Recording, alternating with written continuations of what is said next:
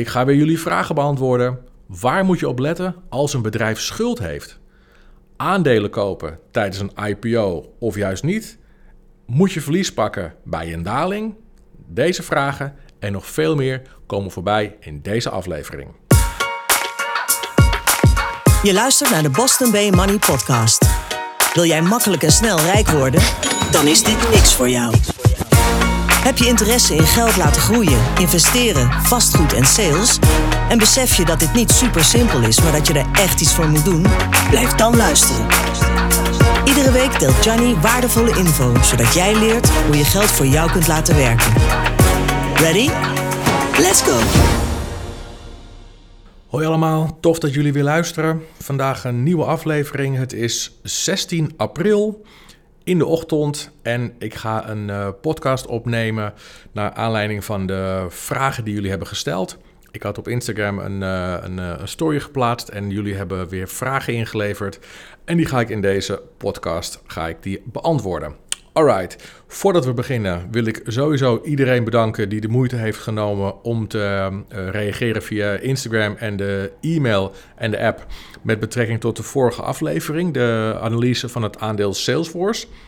Super cool dat jullie daar zo enthousiast over zijn, dus ik ga het vaker doen. Ik weet niet echt hoe vaak, ik ga er ook geen, uh, geen uh, ding aan hangen, timeline of iets in die trant. Maar ik zal um, vaker een analyse delen met jullie of of op basis van jullie uh, interesse. Als jullie een bepaald aandeel graag geanalyseerd willen zien, geef het door via Insta. En dan um, um, gooi ik hem in de mix. Alright. In deze aflevering een ander verhaal. We gaan de, of we, ik ga jullie vragen uh, beantwoorden. En het zijn er bij elkaar, even kijken, vijf of zes of zeven. Ik weet. Nou, ik moet even kijken hoeveel, hoeveel we redden. We gaan er geen super lange aflevering van maken. Maar ik ga in ieder geval een aantal vragen beantwoorden. Alright. De eerste is vandaan paar Daans hadden een, uh, een vraag ingestuurd. Dus deze is van, uh, nou zeg, maar Daan nummer 1. En hij vraagt, uh, bepaal je altijd als je een aandeel koopt op hoeveel procent winst je verkoopt? Nee, dat doe ik, dat doe ik niet. Dat zit niet in mijn strategie. Ik werk niet met, uh, uh, met bijvoorbeeld uh, limit orders, dat als een, een, een, een koers een bepaald niveau aanraakt, dat ik hem al verkoop. Dat ik ook al van tevoren weet van, nou ja, goed, stel ik koop aandeel X, kost nu een tientje. Uh, ik heb hem in mijn portefeuille zitten en op, en op datzelfde moment dat ik hem heb gekocht, zet ik al gelijk een nieuwe order in het systeem aan de verkoopkant. Waarbij ik bijvoorbeeld aangeef, nou, als hij naar de 13 euro gaat, dan wil ik hem weer verkopen. Dat doe ik niet. Sommige mensen doen dat wel. Het hoort meer een beetje bij, uh, bij uh, daytraden. Dat is niet wat ik, um, wat ik doe. Ik hou doorgaans mijn aandelen voor de langere termijn vast. Um, wat ik wel doe, is aan de andere kant, is op het moment dat ik bijvoorbeeld dat aandeel van een tientje zou kopen ik zeg maar wat, ik koop 10 voor 100 euro. Dan, uh, en het is een aandeel waarvan ik denk van nou, het kan wel eens een gokje zijn. Ik heb of niet mijn huiswerk goed kunnen doen, of het is een, gewoon, een, gewoon een heel simpel een gokje wat ik uh, met een klein uh, gedeelte van mijn budgetje ga wagen. Dan zet ik soms aan de onderkant wel een stop-loss order in het systeem. Dus ik denk van nou, ik wil gewoon dat die stijgt. En als hij niet stijgt, dan verkoop ik hem. En dan wil ik niet dat mijn verlies te groot wordt. Dus ik zeg maar wat, als voorbeeld jongens, ik koop een aandeel voor een tientje zo'n gokkertje. En ik zet gelijk aan de verkoopkant zet ik een stop-loss order in het systeem voor 9 euro. Nou, mocht hij dan gaan zakken en hij komt uh, uh, onder die 9 euro, dan plop, wordt automatisch mijn um, uh, positie in dat aandeel verkocht. Dus dat doe ik soms wel, maar aan de bovenkant doe ik eigenlijk nooit. Ik bepaal niet van tevoren met hoeveel winst ik genoegen neem. Ik ben nog old school, bij mij is nog een beetje handwerk. Uh, af en toe denk ik van, nou, dit is een mooi moment om een gedeelte van een, uh, van een positie om te zetten in cash, omdat ik er bijvoorbeeld dividendaandelen van wil kopen, of ik, uh, weet ik veel, ik wil op vakantie, ik zeg maar wat, of ik ga het herinvesteren in een training of iets in die trant, dan um, cash ik uit, maar ik heb het niet van tevoren vastgesteld. Alright, even kijken. Dorian, wat zijn belangrijke onderdelen om rekening mee te houden als student die start met beleggen? Dat is een goede vraag en eigenlijk komt het neer op drie woorden. En die drie woorden zijn kennis, kennis en kennis. Je zult kennis moeten hebben voordat je start met beleggen.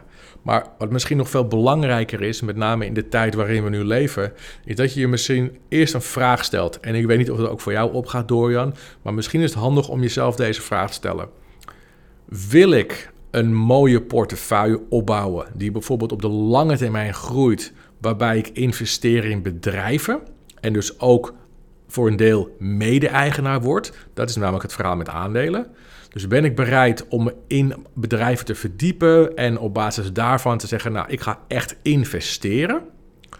Of wil je starten met investeren tussen haakjes, omdat je overal om je heen hoort dat het makkelijk is om nu heel veel geld te verdienen met crypto of met vastgoed of met risicovolle beleggingsproducten. Ik zeg maar wat, uh, short gaan of, uh, of uh, turbo's of weet ik veel, sprinters, weet ik veel die dingen allemaal tegenwoordig. Weet je, of opties misschien wel. Kijk, ik denk dat het handig is, ook voor studenten, die hebben over het algemeen wat kleinere budgetten, om, je, om gewoon af te vragen, wat wil je nou eigenlijk? Ben je bereid om met een lange adem een mooie investering te doen die op termijn, en misschien duurt het wel 10, 15, 20 jaar, voor een heel mooi rendement gaat zorgen? Of wil je nu van bijvoorbeeld vanuit het FOMO-gevoel, fear of missing out, en wat je overal om je heen hoort. Dus ik, ik, denk dat dat ook onder jongeren heel veel plaatsvindt. Die maken elkaar natuurlijk allemaal knettergek. En die hebben zoiets van, ja, fuck it, ik ga investeren.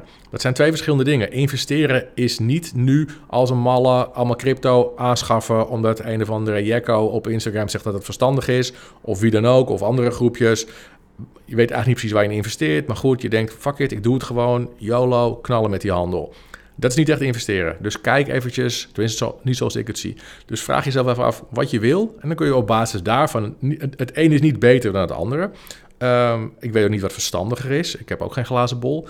Maar dan heb je in ieder geval een strategie die bij jouw mindset past. En dan kun je op basis daarvan gewoon rustig jouw geld gaan uh, besteden. Om, om in een van die, of twee of drie van die soort, um, laat ik zeggen, kanalen jouw geld uh, uh, te beleggen zal ik maar even zeggen. Ik weet niet of crypto allemaal beleggen is, maar jullie begrijpen wat ik, wat ik bedoel.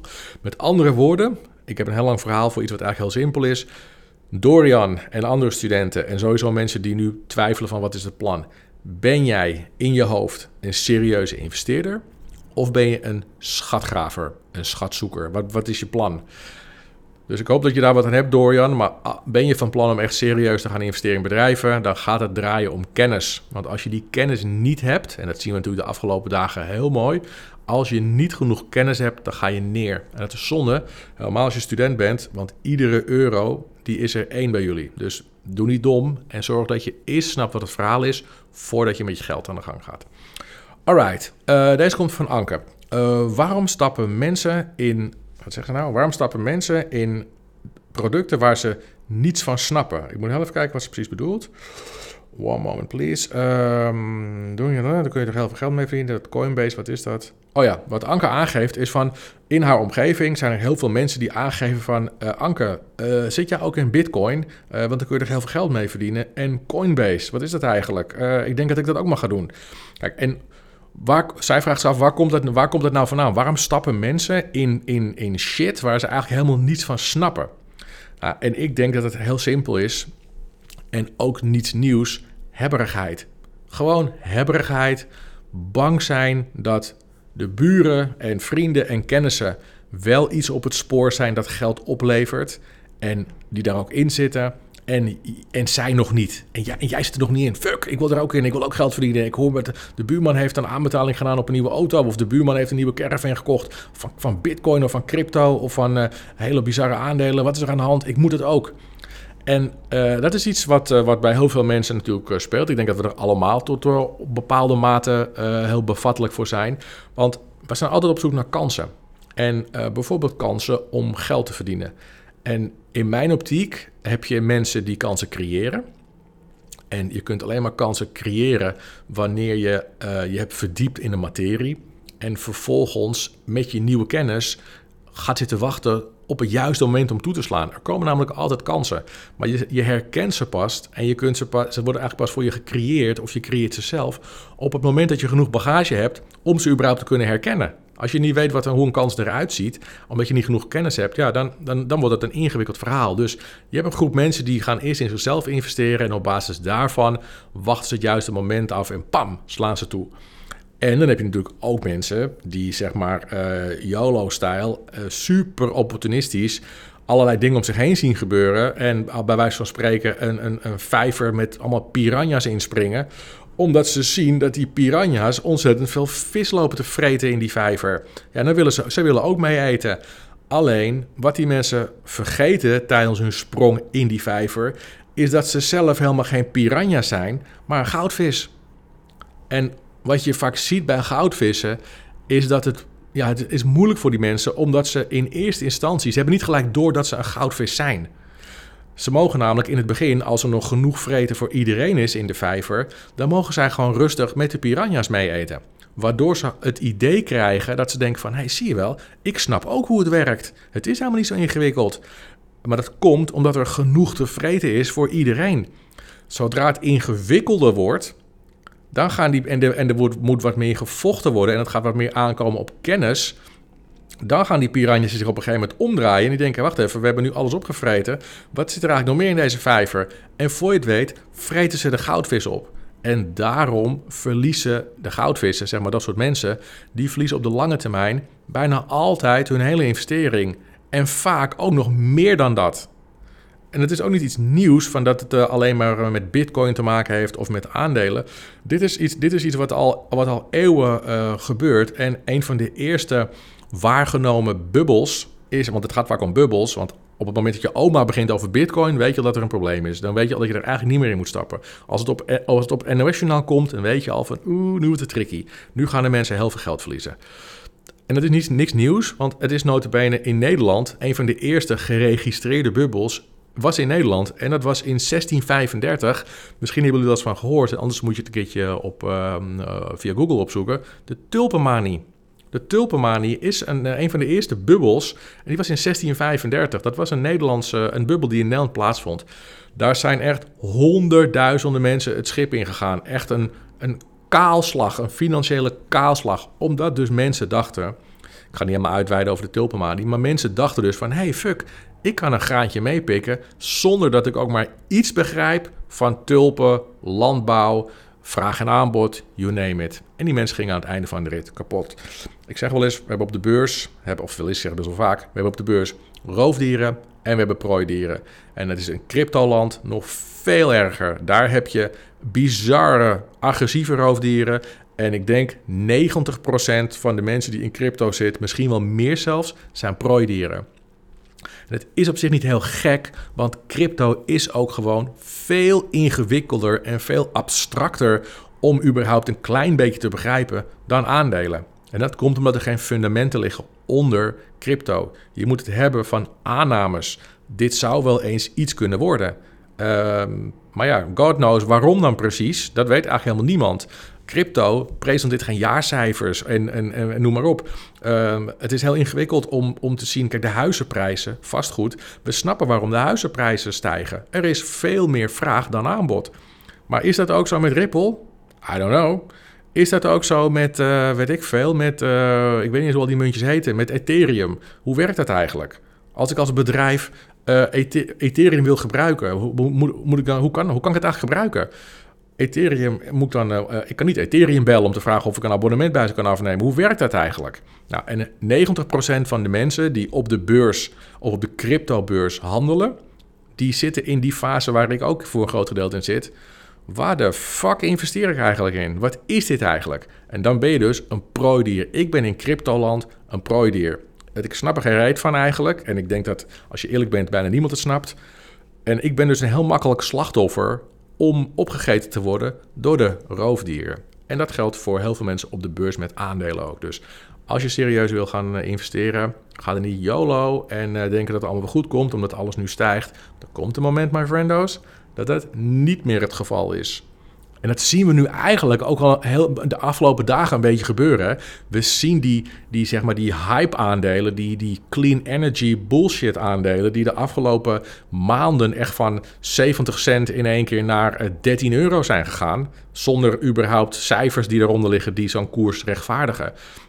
Die zijn met name gekocht niet door Warren Buffett en, en, en grote investeerders. Nee, die zijn gekocht door prooidieren. En wat je nu ziet is dat het allemaal in elkaar begint te storten. Omdat de prooidieren denken, hé hey, wacht even, dit gaat niet zo snel. Ik heb überhaupt geen kennis van aandelen, maar ik zie dat aan de, aan de andere kant van de schutting, zie ik crypto, waar ik ook nul verstand van heb, die zie ik veel harder stijgen. Weet je wat ik doe? Ik verkoop gewoon al die aandelen die ik heb. Dat zijn dus vaak allemaal van die hype-aandelen, van, van die, van die meme-stocks die geen reet waard zijn. Vervolgens dumpen ze die allemaal, die koersen storten in elkaar, ze pakken hun geld en ze doen hetzelfde trucje met, uh, met crypto. En je zult zien dat de aankomende misschien wel weken of maanden zal crypto ook gewoon als een malle stijgen. Zo'n beetje alle muntjes. Want al dat geld wordt nu gewoon daarin gepompt door prooidieren. En aan het einde van de rit krijg je weer een, krijgen ze weer een knal tussen de ogen. En dan zijn ze hun poen kwijt. Want dan is er geen plek meer om naartoe te vluchten. Dan hebben ze, zijn ze al geld kwijtgeraakt op de aandelenbeurs. Ze zijn geld kwijtgeraakt op de cryptobeurs. Nou, ze hebben bijna nooit genoeg geld om uh, in vastgoed te investeren. Ja, en dan heb je dus wat je in 2017 geloof ik ook al had meegemaakt. Mensen die mee wilden surfen op de hype. Bitcoin stort in elkaar. Kut, geld kwijt. En je kan geen kant meer op. Dus dat is denk ik een beetje het eiereten. We voelen het allemaal een beetje, die FOMO. Uh, alleen het is gewoon niet handig om te denken dat je een piranha bent als je eigenlijk een goudvis bent. Alright, de volgende vraag. Uh, ik zit weer lekker op mijn praatstoeltje. Even kijken, wat hebben we nog meer? Oh ja, Johnny. Uh, is het verstandig om altijd je verlies te pakken? Een aandeel koop je ook voor lange termijn, toch? Dus nu verlies, maar maar, dus nu verlies, maar het is de strategie dat hij straks winst maakt. Deze vraag komt van Marcel. Even kijken. Ik denk dat wat Marcel bedoelt is of het altijd handig is om je verlies te pakken op het moment dat een aandeel dat je voor de lange termijn hebt gekocht, uh, serieus in de min staat. Ik denk dat hij dat bedoelt. Um, ik denk dat deze vraag heel simpel is en ik probeer het ook zo simpel mogelijk te. Of deze de vraag is niet simpel, maar antwoord is simpel. Ik denk, Marcel, als je voor de lange termijn hebt gekocht, en uit jouw analyse slash huiswerk blijkt dat je nu een risico neemt om later te kunnen verdienen of om later rendement te kunnen maken, dan is het niet handig om nu bij de eerste of bij de tweede dip al gelijk te verkopen. Want als het goed is, is uit jouw analyse gebleken dat het een, een risico is wat je nu neemt, klein afgewogen risico, zodat je later kunt gaan cashen. Dat is natuurlijk wat je vaak doet met investeren. Je pakt nu een stukje risico om later je winst te kunnen, te kunnen cashen. Dus als, als, als uit jouw analyse blijkt dat dat, dat dat de trend is, dan zou ik gewoon lekker rustig blijven zitten. En misschien, als hij echt ver onder jouw aankoopprijs uh, daalt, is het misschien wel een cadeautje en zou je bij moeten kopen. Maar dat ligt natuurlijk uit hoe, hoe, je, hoe, in hoeverre jij je eigen huiswerk vertrouwt.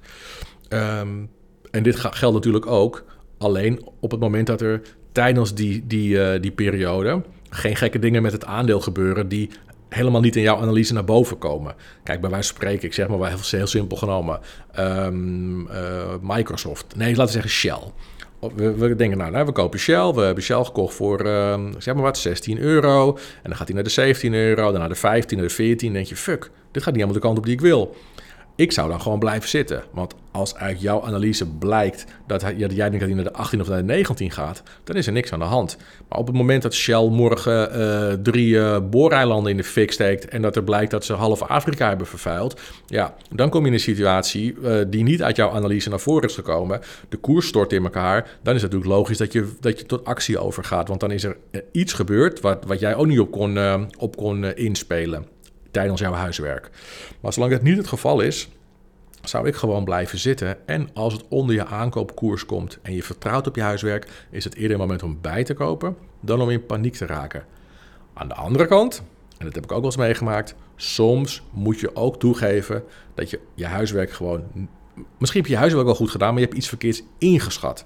Dat heb ik ook wel eens meegemaakt. Als je tot die conclusie komt, dat heb ik ook wel eens, dan, dan moet je gewoon zeggen: ja, ik kon er niks aan doen, of misschien kon je er wel iets aan doen, maar in ieder geval, je hebt een foutje gemaakt. Ja, dan is het wel verstandiger om je verlies te pakken en het geld dat je nog hebt te herinvesteren in iets dat wel geld oplevert. En het hoeft niet meteen op de korte termijn te zijn, maar dan kun je bijvoorbeeld denken aan uh, het kopen van nieuwe aandelen. Maar bijvoorbeeld ook uh, het herinvesteren in een training, in een bepaald boek of een cursus of een aanmelding bij een netwerk of een groep met kennis, zodat je eventjes een paar versnellingen teruggaat om ervoor te zorgen dat je die fout niet nog een keer maakt. Dus ik hoop dat je er iets aan hebt. Op basis van het verhaal, als uit jouw huiswerk blijkt dat het een lange termijn investering is, dat die op de lange termijn rendement gaat opleveren en je vertrouwt jouw huiswerk, dan hoef je niet in paniek te raken bij een, eh, bij een paar dipjes. Alright, Even kijken, wat hebben we nog meer? Ehm, nog een Daan. Johnny, is het wel of niet slim om bij een IPO gelijk te kopen? Of is het slimmer om even af te wachten? Ja, dit is, een, dit is een, een vraag die ik vaker krijg, Daan. En het is een vraag waarbij we misschien eerst voor de luisteraars even moeten uitleggen: wat is een IPO? Een IPO is een Initial Public Offering. En dat betekent eigenlijk: een bedrijf gaat voor de eerste keer naar de beurs. Dus achter de schermen zijn ze gescreend, geaudit en hebben ze een plan van aanpak uh, ingeleverd. Er, uh, de, de, de, banken die brengen ze over het algemeen naar een, naar een, een, een beurs staan. Die begeleiden zo'n beursgang. En de SEC, de beurswaakhond, zeg maar, de financiële waakhond in Amerika, die heeft, zij, heeft dit bedrijf, wat dus naar de beurs wil. En dit is belangrijk, een S1-vorm, een S1-formulier laten invullen. En in zo'n S1-formulier staat zeg maar wat de financiële huishouding is, uh, hoe de aandelen verspreid zijn, uh, allerlei financiële uh, dingen met betrekking tot het bedrijf. Dat is handig omdat het bedrijf natuurlijk nog geen kwartaalcijfers heeft ingediend die bij een beursgenoteerd bedrijf horen, omdat ze nog niet beursgenoteerd waren. Dus wij kunnen als investeerder vanuit dat S1-formulier al uh, inzage krijgen in de financiën van de tent. Nou, op basis van dat formulier kunnen wij dus zien, want wij zien de cijfers, uh, kunnen wij zien, en dat hoeven wij gelukkig niet zelf uit te rekenen, want dat wordt voor ons gedaan, wat een passende koers, wat zeg maar een passende openingskoers zou zijn. Dus op het moment dat in dit geval bijvoorbeeld Coinbase, die laatst naar de beurs zijn gegaan, zegt van nou jongens, wij starten met een IPO-koers, een initiële koers, dus onze eerste dag op de beurs, dan moet de koers passend zijn. 250 dollar past bij onze vleugeltjes. Oké, nou prima. Weet je, je hebt natuurlijk het lichaampje, de vleugeltjes. Het moet in balans zijn. Als het lichaampje veel te zwaar is voor de vleugeltjes, dan stort hij neer. Dus we moeten zorgen dat het in balans is. Nou, dit past bij ons lichaampje en dit past bij onze vleugeltjes. Oké, 250. Airbnb laatst, 69 eh, dollar, past bij onze vleugeltjes. Een tijdje geleden Palantir. Um, ging die via een IPO, via een direct listing. Weet niet meer. Maar in ieder geval, uh, Airbnb wel via een IPO, 69 dollar. Oké, nou, de laatste die we hebben meegemaakt is, um, is Coinbase, 250 dollar. Wat er vervolgens gebeurt is, en daar zijn ze weer, mensen, beleggers, zowel roof- als prooidieren, storten zich massaal op dat aandeel tijdens die openingsdag. Wat er vervolgens gebeurt is, omdat er veel meer vraag is dan aanbod, schiet die koers omhoog. En dan moet je je dus voorstellen, dan zijn er dus mensen die ergens halverwege de dag Coinbase hebben gekocht voor 380 dollar of 400 dollar. En ik vraag me altijd af, wat bezielt die mensen? Op het moment dat Coinbase op basis van hun huidige cijfers zelf zegt dat een passende koers bij de huidige fundamenten 250 dollar is, waarom zou je dan in godsnaam dat aandeel willen kopen voor een hogere koers? En dat is dus die, die, soort, die, die soort feeding frenzy van mensen die dus denken van ja, we gaan gewoon vol erin en rammen met die handel en het komt wel goed. Nou, je zult zien dat die koers van Coinbase waarschijnlijk op het moment dat zij hun kwartaalcijfers gaan presenteren, totaal niet meer past bij de cijfers. Dat is ook logisch, want ze hebben notabene zelf gezegd dat het 250 dollar moet zijn en geen 400. Dus ik persoonlijk, ik ben geen fan van, van instappen in IPO's. Op, puur alleen omdat ik me dan meng in een kudde onwetende. Die die prijs omhoog rammen. En ik vervolgens met een veel te hoge koers in mijn mix zit. Um, en, dat, is niet mijn, dat is niet mijn stijl. Ik kies je, zoek juist altijd bedrijven die uh, een koers hebben die bij hun vleugeltjes past. Of liever nog, die tijdelijk eventjes vleugellam zijn. Maar dan zie ik wel dat het een goed bedrijf is. Uh, maar die tijdelijk eventjes bijvoorbeeld op de intensive care ligt, om wat vrede dan ook, ja, waardoor de koers laag is, dan dat, dat zijn mooie instapmomenten. Althans, dat vind ik. Niet de een of andere, um, ja, zeg maar, een, een, een, ja, een vogeltje waarvan je denkt van wat is dit nou weer? Een soort adelaar met de vleugels van een mus. Ja, dat schiet ook niet echt op. En dat is wat mensen nu dus hebben gekocht. Dat gaat een keertje verkeerd. Dat kan niet anders, want zijn lichaampje is te zwaar voor zijn vleugeltjes. Dus ik zeg, ik, ik geef altijd aan, IPO's is voor mij totaal niet interessant ik stap daar niet in, want nog los daarvan, we staan in Europa ook achteraan als het gaat om instappen. Het is niet dat op het moment dat die uh, beursgang plaatsvindt, dat wij vooraan staan om te mogen instappen tegen die 250. Nee, wij moeten achteraan aansluiten in de rij. Dus tegen de tijd dat onze orders worden doorgevoerd, ja, zitten we al met die skyhoge koersen. Dus Daan, ehm, ik zeg no-go als het gaat om een IPO. Maar als jij zegt, ik wil erin zitten, want ik vind het gewoon tof... Be my guest, maar aan het einde van de rit uh, denk ik niet dat het heel verstandig is. Helemaal niet in de tijd waarin we nu zitten, waarbij al sowieso kunstmatig super veel geld naar de beurzen vloeit. Waardoor de waarderingen van veel bedrijven totaal uit het lood staan. Alright, even kijken. Hebben we nog een vraag? Dit is Daan, Dorian, Anke, Marcel. Ja, we hebben nog een vraag. Dit is dan ook de laatste vraag van deze podcast. Lina, uh, hoe, weet, hoe weet je nou precies of de schuld van een bedrijf te hoog is om in te stappen?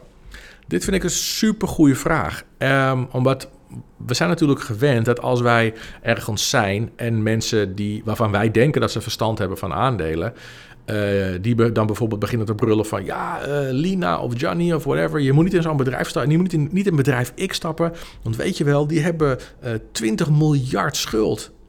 Als jij geen kennis hebt van cijfers en van aandelen, dan denk jij 20 miljard schuld. Mijn god, ik ga echt niet in een bedrijf stappen wat 20 miljard schuld heeft. Maar dit is handig om te begrijpen als je iets meer kennis hebt. Um, Lina, schuld alleen zegt helemaal niets over of een bedrijf of een aandeel een goede investering is of niet. Onder andere deze twee dingen zijn belangrijk. A. Als een bedrijf veel schuld heeft, waar gebruikt het bedrijf die schuld dan voor? En twee, kunnen ze hun aflossingen en rente op die schuld makkelijk betalen? Ik ga je een voorbeeld geven. Apple bijvoorbeeld heeft bizar veel schuld. En die schuld die laten ze ook gewoon oplopen. Ze trekken steeds meer schuld aan. Maar zij gebruiken de schuld om hun winsten te financieren. Dus wat ze doen, ze lenen dus, even voor het voorbeeld, hè, ze lenen dus 1 dollar tegen 2% rente. En vervolgens met die dollar maken ze een product. En dat product verkopen ze met een winstmarge van 40%. Dus zij pakken dus, ik, ik heb deze percentages verzonnen, maar om je een beeld te geven. Maar zij pakken dus 38% winst op die ene geleende dollar. Ja, dat is natuurlijk, dan, dan, dan ben jij met jouw schuld winst aan het maken. Dat is natuurlijk een ander verhaal dan dat jij jouw schuld gebruikt om het hoofd boven water te houden en om de salarissen van de werknemers te kunnen uitkeren iedere maand. Dat is een ander verhaal. Dus dat is, iets, dat belangrijk om te snappen. Dat is puntje 1. Waar gebruikt het bedrijf de schuld voor? Wat doen ze met het geld? Nou, het tweede is, wat ook handig is om te weten, is: um, hebben zij die schuld nodig om dagelijks de tent in de lucht te kunnen houden? Een voorbeeldje. Wordt van iedere euro die dit, die dit bedrijf uitgeeft, of dat nou is aan hardware of huur of personeelskosten, wordt van iedere euro die dit bedrijf dagelijks uitgeeft, 30 cent betaald vanuit het doorlopend krediet. Of is dit meer dan 30 cent? Of is dit meer dan uh, eh, 80 cent? Of is het veel minder? Of hebben ze helemaal geen krediet nodig? Kijk, dat, en dat, dat noemen ze een financiële hefboom. Met andere woorden, als we kijken naar de dagelijkse gang van zaken. En het bedrijf heeft uh, allerlei kosten en inkomsten. Er, er constant van alles aan de gang. Maar we kijken vooral eventjes naar de uitgaven. Hoeveel procent van die uitgaven worden dan gefinancierd vanuit het doorlopend of vanuit überhaupt vanuit een krediet of vanuit een lening. Dat is handig om te weten. Want als een bedrijf bijna alles financiert vanuit het krediet, ja, dan is die schuld waarschijnlijk een probleempje aan het worden. Ehm, en tot slot is het ook verstandig om te kijken naar de vrije cashflow. Heel veel mensen die beginnen met aandelen, die kijken naar de omzet en de winst. Die denken, nou, veel omzet, veel winst, kat in bakkie. Maar wat handig is om, naar, om te bekijken, is de vrije cashflow. Wanneer je investeert in bedrijven met schuld. Sowieso is het handig om naar te kijken. Maar als je kijkt naar bedrijven die een schuld hebben, check dan ook eventjes de vrije cashflow. Kunnen ze vanuit die cashflow hun aflossingen doen en blijft er dan ook nog een beetje geld over om te investeren. Bijvoorbeeld in research en design of in andere leuke dingetjes of in nieuwe producten, whatever. Uh, als we bijvoorbeeld weer kijken naar Apple. Apple heeft bijvoorbeeld een schuld van 102 miljard. Ja, dan denk je 102 miljard schuld. My god. Als je dat logo er niet bij zag staan en je hoort alleen maar dat er een bedrijf is met 102 miljard dollar schuld. En ik vraag aan jou, wil je erin investeren? Dan zullen veel mensen zeggen, nou, uh, geef mij posie maar fikkie. Ik zoek wel even een ander bedrijf. Maar we zien natuurlijk dat Apple, dat Apple logootje staan. Dus wij denken, oké, hmm, raar, we wisten niet dat ze zoveel schuld hadden. Nee, dat klopt. Maar ze hebben dus 102 miljard schuld. Maar hun vrije cashflow, wat ik dus net aangeef, hun vrije cashflow is ruim 80 miljard. Dus Vanuit hun cashflow kunnen zij dus al ruim 80% van die schuld dekken. Daarnaast hebben ze ook nog eens een cashpositie, want je hebt niet alleen maar een beetje schuld, een beetje winst, rekeningen, whatever. Je hebt ook vaak nog wat geld op de bank staan bijvoorbeeld. Of geld wat je, of producten die je snel zou kunnen omzetten in geld. Of obligaties of aandelen in andere bedrijven. Dat noemen ze een cashpositie. Eigenlijk cash en equivalenten van cash. Uh, bijvoorbeeld bitcoin. Sommige bedrijven hebben ook bitcoin op de balans staan. Nou, dat valt onder cash. En Apple heeft dus 102 miljard schuld. Pittig, denken we. Maar een vrij cashflow van 80 miljard, maar een cashpositie van 76 miljard.